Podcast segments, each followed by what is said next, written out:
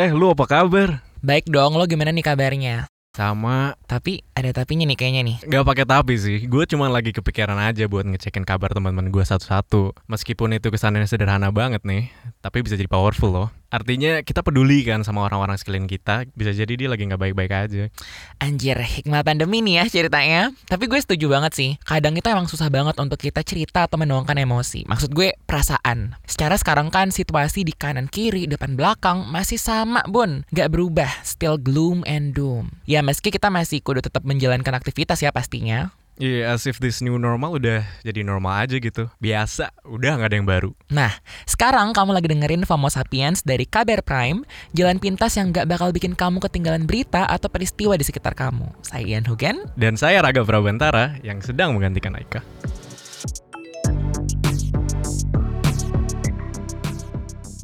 Eh, lo udah tahu belum kalau di Indonesia udah ada tiga varian virus corona? Udah kayak makanan aja ada variannya. Emang beneran tiga varian itu udah masuk Indonesia? Iya, tiga varian itu terdiri dari varian Alpha, yang pertama kali kedeteksinya di Inggris, terus ada varian Beta di Afrika Selatan, dan varian Delta yang terbaru nih, yang pertama kali ada di India dan dipercaya menjadi asal muasalnya gelombang 2 COVID-19 di situ. Si Delta ini emang lagi dibicarain nih. Kenapa sih? Soalnya varian Delta ini disebut penularannya lebih mudah dan cepat. Lo tau kan, kasus positif corona di Kudus lagi melonjak banget, sumpah. Direktur Pencegahan dan Pengendalian Penyakit Menular Langsung Kemenkes, Siti Nadia Tarmizi, menyatakan bahwa sebanyak 28 dari 34 spesimen di Kudus itu positif varian Delta. Serem banget. Apa bedanya sih sama varian Alpha dan Beta? Lebih bahaya kah? Kata Ketua Tim Peneliti Whole Genome Sequencing FKKMK Universitas Gajah Mada, Gunadi, ada beberapa sebab nih kenapa varian Delta lebih bahaya dari varian yang lainnya. Pertama, varian ini berhubungan sama usia pasien. Semakin tua, si varian Delta ini semakin memperburuk kekebalan tubuh pasien. Kedua, varian Delta bisa menginfeksi pasien yang udah pernah kena COVID-19. Padahal kan sebenarnya kalau udah kena COVID biasanya kita udah dapat antibody itu kan. Nah, ini tetap bisa kena gitu. Wah, berarti parah banget ya. Terus kalau udah divaksin, apa juga tetap bisa kena? Ini dia sebab yang terakhir. Khususnya buat yang usianya lebih tua, walaupun udah divaksin dua dosis, varian Delta tetap mampu nurunin kekebalan tubuhnya dan tertular deh. Kan varian Delta ini termasuk varian mutasi ya. Tapi gue denger-denger dia juga udah bermutasi jadi Delta Plus. Betul banget, virus itu sama seperti mikroorganisme lain. Dia perlu inang untuk reproduksi. Inangnya bisa manusia atau hewan. Mereka memperbanyak diri mereka dengan memanfaatkan sel tubuh. Dari situ dia nyalurin materi genetiknya, seperti RNA dan DNA ke sel sehat yang ada di tubuh inangnya. Virusnya beradaptasi dari situ, biar bisa berevolusi. Namanya juga virus ya, dia jahat. Dia mau menguasai tubuh manusia. Biasanya bisa dilawan dengan sistem imunitas yang kuat. Buat menghindarin perlawanan sistem imun, si virus menggandakan diri dan menyebar ke manusia-manusia lain. Kemudian dia menyesuaikan diri lagi. Makanya kalau virus corona nggak terkendali, bakal muncul terus nih varian-varian baru yang nggak menutup kemungkinan mereka bakal lebih bahaya dan mematikan. Ah, I see. Berasa lagi belajar IPA lagi deh gue. Gejalanya varian Delta apa aja nih? Eh, biar gue bisa memberi jarak di antara kita, just in case. Yeah. Gue sih taat prokes terus ya. Jadi semoga aja nggak berdelta. Anyway, menurut studi yang dipimpin tim spektor Profesor Epidemiologi Genetik di King's College London, gejala pertama adalah sakit kepala, terus sakit tenggorokan, pilek, dan demam. Kalau kita lihat-lihat nih, gejalanya mirip flu berat ya. Jadi agak ambigu juga. Dikiranya flu doang, taunya sil Delta. Duh, assalamualaikum deh Bang Delta. Kalau misalkan virus bilang assalamualaikum dulu sebelum masuk tubuh, kayaknya nggak bakal jadi pandemi kali ya. Tinggal jawab waalaikumsalam terus kita usir aja tuh. Ini lo mau gue ketawa.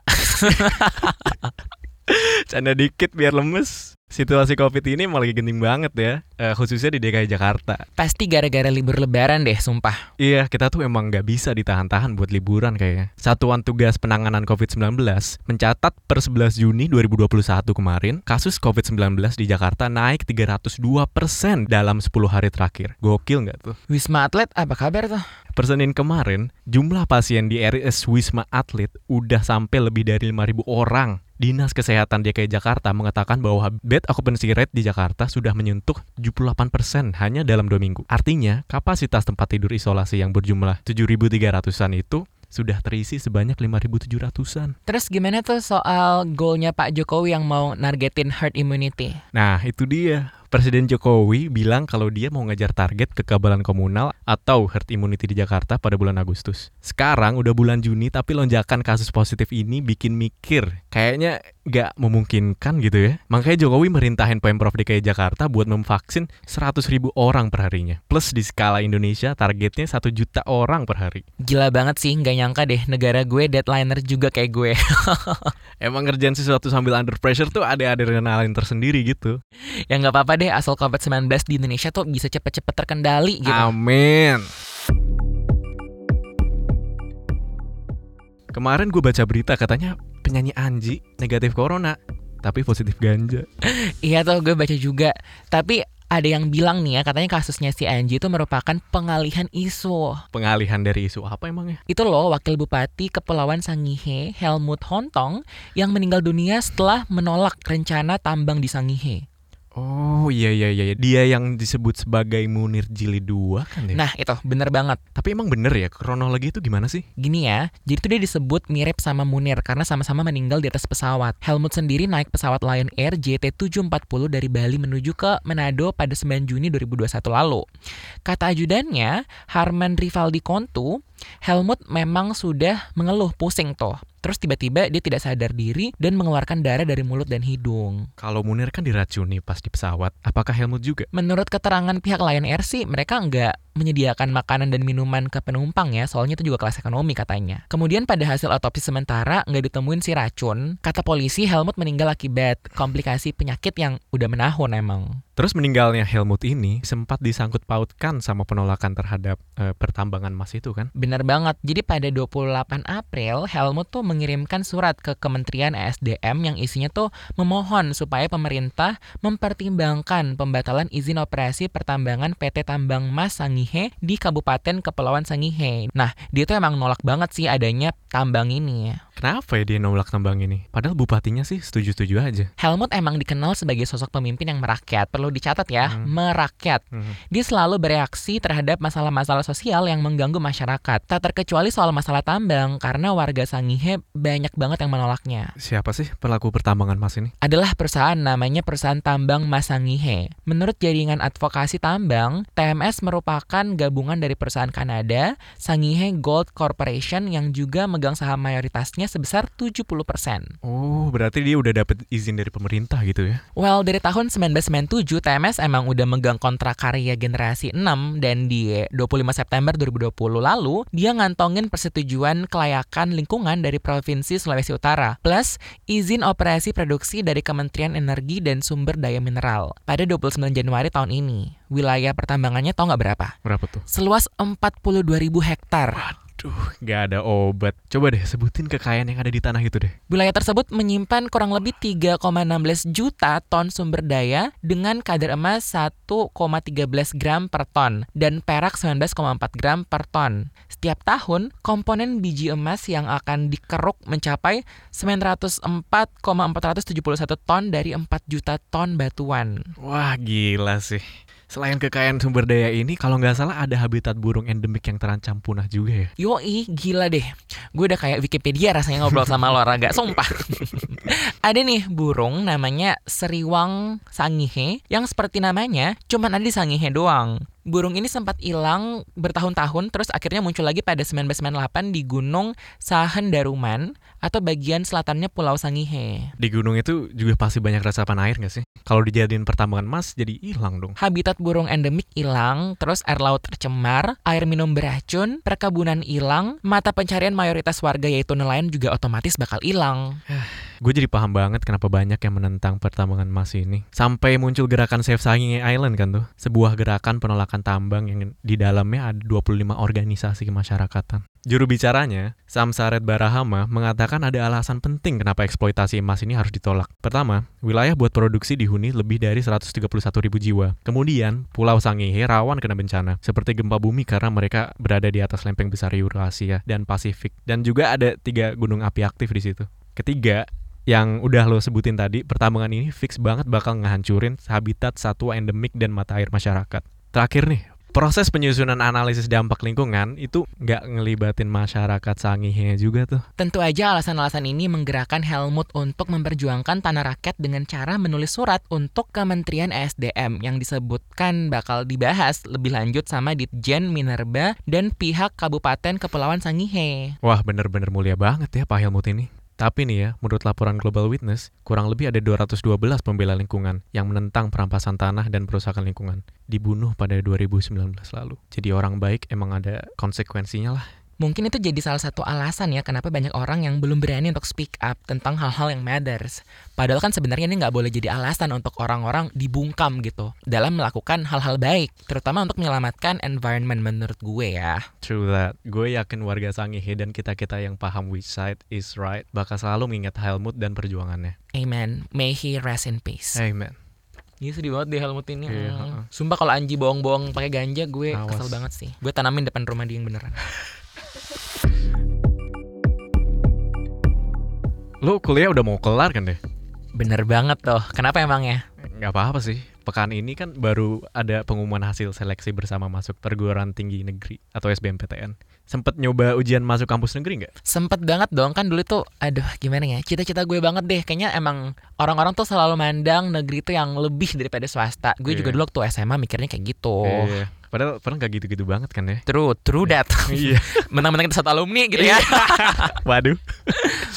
nah, ada 500 ribu peserta yang belum beruntung masuk SBMPTN kali ini. Selain karena nilainya kurang, ada juga yang nggak lolos gara-gara pemakaian fotonya nggak sesuai standar. Jadi ada 122 peserta fotonya nggak sesuai standar. Semisal nih, foto selfie, foto rame-rame, foto yang ada di foto juga. Duh, sumpah ya, ada-ada aja nih bocah-bocah. Ya kali deh SBMPTN macam bikin akun medsos gitu ya. Kayaknya ada yang lebih pantas deh untuk kita bahas daripada sekedar selfie menurut gue. Meskipun ya, selfie is life, ya kan? Tapi lo udah denger belum soal rencana pengenaan pajak untuk jasa pendidikan, misalnya sekolah? Hah? Masa sih? Kan sekolah itu bagian dari upaya buat mencerdaskan kehidupan bangsa kan? Aduh, tega bener. Kayak gimana sih aturannya? Nah, makanya daripada penasaran, ini saatnya kita ngobrol bareng salah satu editor dari Newsroom KBR. Kali ini ada Kak Angga di sini. Hai Ian, hai Raga. Hai Halo, Kak Angga. Kak. Kok bisa sih sampai muncul itu berita perkara sekolah dipalakin? Eh, sorry, dipajakin. Gimana sih ceritanya? Rencana itu emang bikin eh, banyak orang bertanya-tanya ya dan juga protes juga. Itu tertuang dalam rancangan undang-undang tentang ketentuan umum dan tata cara perpajakan atau RUU KUP yang masuk prolegnas 2021 tuh. Nah, sementara kalau sebelumnya itu sekolah atau jasa pendidikan enggak dipungut pajak. Nah, aturan itu ada di Undang-Undang Nomor 42 Tahun 2009 tentang perubahan ketiga atas Undang-Undang Nomor 8 Tahun 1983 tentang pajak pertambahan nilai barang dan jasa dan pajak penjualan atas barang mewah. Itu di pasal 4A ayat 3 yang menyebutkan eh, jenis jasa yang tidak dikenai pajak pertambahan nilai adalah jasa tertentu. Itu dalam kelompok jasa ya. Itu ada beberapa dan di antaranya mungkin eh, bisa aku sebutkan itu ada ada jasa pelayanan kesehatan medik, jasa pelayanan sosial, ada jasa keuangan, asuransi juga termasuk jasa pendidikan yang kamu sebut tadi. Nah, berdasarkan RUU KUP yang baru, ini beberapa sektor yang menurut undang-undang sebelumnya tidak dikenakan pajak, kini dikenakan pajak. Jasa yang dikenai pajak ini sangat beragam ya. Ini ada beberapa yang termasuk yang aku sebutkan tadi, ada pelayanan medik, jasa pelayanan sosial, jasa asuransi, ada jasa keuangan juga dan juga termasuk jasa pendidikan itu tadi. Berarti nggak cuma sekolah, katanya sembako juga bakal dipajakin ya kak? Nah, itu juga benar. Sembako juga bakal kena pajak pertambahan nilai. Itu rencananya ya. Sembako dari sektor pertanian, perkebunan, kehutanan, peternakan dan juga perikanan. Jadi berdasarkan berkas rumusan RUU Ketentuan Umum Perpajakan atau RUU KUP, ini ada tiga opsi tarif untuk pengenaan PPN barang kebutuhan pokok ini, Ian. Jadi yang pertama itu diberlakukan tarif PPN umum. Ini yang diusulkan sebesar 12%. Kemudian yang kedua itu dikenakan tarif rendah sesuai dengan skema multi tarif yakni sebesar 5% yang dilegalisasi melalui penerbitan penerbitan peraturan pemerintah. Nah, yang ketiga kemudian juga menggunakan tarif PPN final. Ini sebesar 1%. Tapi ini kemudian dibantah sama Menteri Keuangan Sri Mulyani yang mengatakan tidak akan mengenakan PPN sembako bagi barang yang dikonsumsi masyarakat banyak atau barang yang dijual di pasar tradisional. Nah, Kementerian Keuangan baik melalui Sri Mulyani maupun Direktorat Jenderal Pajak telah memberikan penjelasan ya bahwa pengenaan pajak uh, eh, PPN sembako ini hanya akan berlaku bagi barang impor kualitas premium yang hanya dikonsumsi segelintir masyarakat. Hmm. Kalau rencana pajak jasa pendidikan, apakah sudah ada penjelasan dari pemerintahnya, Mbak? Kalau jasa pendidikan ya, ini Direktur Penyuluhan Pelayanan dan Hubungan Masyarakat, Direktorat Jenderal Pajak atau DJP, Kementerian Keuangan, Neil Maldrin Nur ini bilang bahwa pendidikan yang dikenakan PPN nantinya hanya sekolah tertentu saja yang bersifat komersial. Nah, sementara itu untuk sekolah negeri tertentu yang selama ini banyak dinikmati masyarakat, ini PPN tidak akan diberlakukan. Jadi menurutnya ini perlakuan perpajakan yang sama antara sekolah komersil dengan sekolah negeri untuk masyarakat kalangan bawah justru menggambarkan asas keadilan dalam kebijakan pungutan PPN belum tepat sasaran. Tapi ini juga bakal menuai polemik loh, karena berapa banyak sih jumlah sekolah negeri di satu daerah dan belum lagi ada kebijakan zonasi kan, yang ini berpengaruh pada kesempatan siswa untuk mendapatkan pendidikan di sekolah negeri. Nah ujung-ujungnya iya sekolah non negeri. Tapi yang bikin penasaran tuh apa sih alasan pemerintah untuk merevisi aturan pajak atau PPN ini? Pertama merespon pandemi COVID-19 ya. Ini disampaikan sendiri oleh Direktur Penyuluhan Pelayanan dan Hubungan Masyarakat, Direktorat Jenderal Pajak Pajak Kementerian Keuangan Neil Maldrin Nur dan uh, katanya penerimaan yang masuk ke kas negara ini tertekan hebat gitu. Jadi kita butuh banyak uh, apa namanya dana besar untuk memberikan insentif-insentif ke masyarakat. Nah, kedua ini tarif PPN Indonesia yang memang ternyata terlalu rendah jika dibandingkan dengan negara lain di dunia. Kita hanya dipatok sebesar 10%. Nah, kemudian yang ketiga ada struktur penerimaan negara dari PPN dan karena selama ini PPN memiliki kontribusi yang cukup besar ya, se, uh, sebesar 42% terhadap penerimaan negara. Jadi harapannya kalau kita memungut PPN bisa dilakukan dengan optimal, maka pemerintah bisa mengerek penerimaan negara nih yang dipakai untuk berbagai program pembangunan itu tadi. Selain itu Mbak, apa sih pengejaran redaksi selama sepekan ini? Nah, kalau redaksi masih mengawal pemangkasan vonis hukuman Pinangki Sirna Malasari oleh Majelis Hakim Pengadilan Negeri DKI Jakarta ya. Ini dari semula 10 tahun penjara menjadi 4 tahun penjara. Nah, Komisi Yudisial atau KY berencana mendalami putusan hakim itu yang bakal dilihat dari sisi kode etik hakimnya. Kemudian kita juga uh, masih memantau soal COVID-19. Ada usulan buat memperlakukan kembali pembatasan sosial berskala besar atau PSBB di beberapa daerah ya, seperti Jakarta. Kemudian Selain itu, perkembangan mengenai program vaksinasi pemerintah juga masih kita pantau. Nah, ini Presiden Joko Widodo meminta percepatan vaksinasi terus dilakukan di semua sektor dan juga seluruh provinsi. Dan um, KPK juga masih kita kawal terus ya perkembangannya. Terima kasih. Oke, sama-sama Raga. Terima kasih Kak Angga. Thank you, Yan.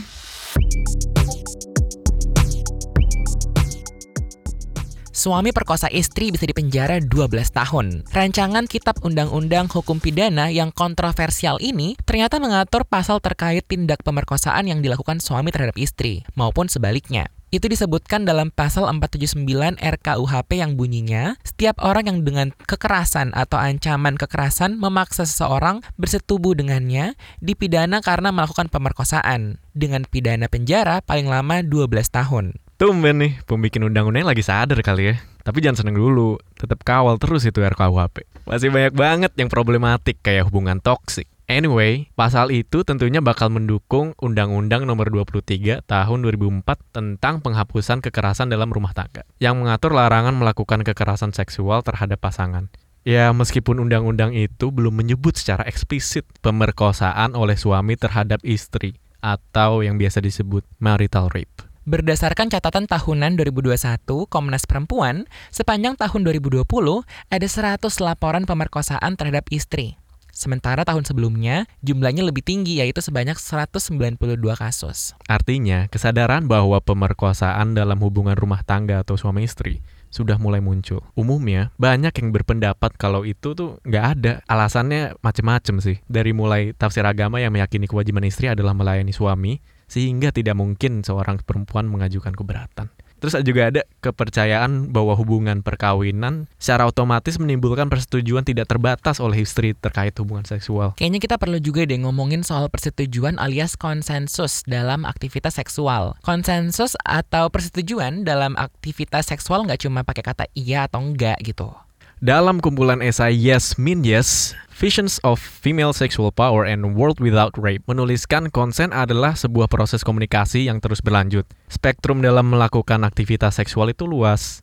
Karena itu, saling berkomunikasi dan menyamakan persepsi tentang segala hal yang hendak dilakukan, semisal penggunaan alat kontrasepsi, dan kegiatan apa pun dalam interaksi kedua pihak perlu dibahas. Tapi sekali lagi nggak cuma persetujuan secara verbal ya, kita juga mesti memperhatikan yang non-verbal. Ini ngarahnya ke poin penting lainnya. Seseorang bisa menarik kembali konsen yang diberikan karena seseorang bebas mengubah pikirannya, terutama jika orang tersebut merasa tidak nyaman. Misalnya, pada suatu waktu, seorang istri yang setuju untuk melakukan hubungan seks dengan suaminya, tapi di tengah interaksinya dengan sang suami, ia bisa menarik konsen itu. Misalnya karena dia merasa lelah. E, makanya persetujuan atau konsensus yang pernah diberikan pada satu waktu tidak serta-merta berlaku di hari-hari berikutnya. Lebih-lebih kalau misalnya semua itu terjadi di bawah ancaman, manipulasi, intimidasi, atau tipu daya. Konsensus tersebut tidak bisa tercapai. Kalau diam, ragu memberikan persetujuan, atau akhirnya mengatakan iya setelah dipaksa atau dibujuk berulang kali, itu berarti dalam hubungan tersebut tidak terdapat dapat konsen ya. Sementara itu, seseorang dalam keadaan tidak sadar, mabuk, hingga anak di bawah umur juga nggak bisa ngasih konsensus atau persetujuan, meskipun ada kata iya.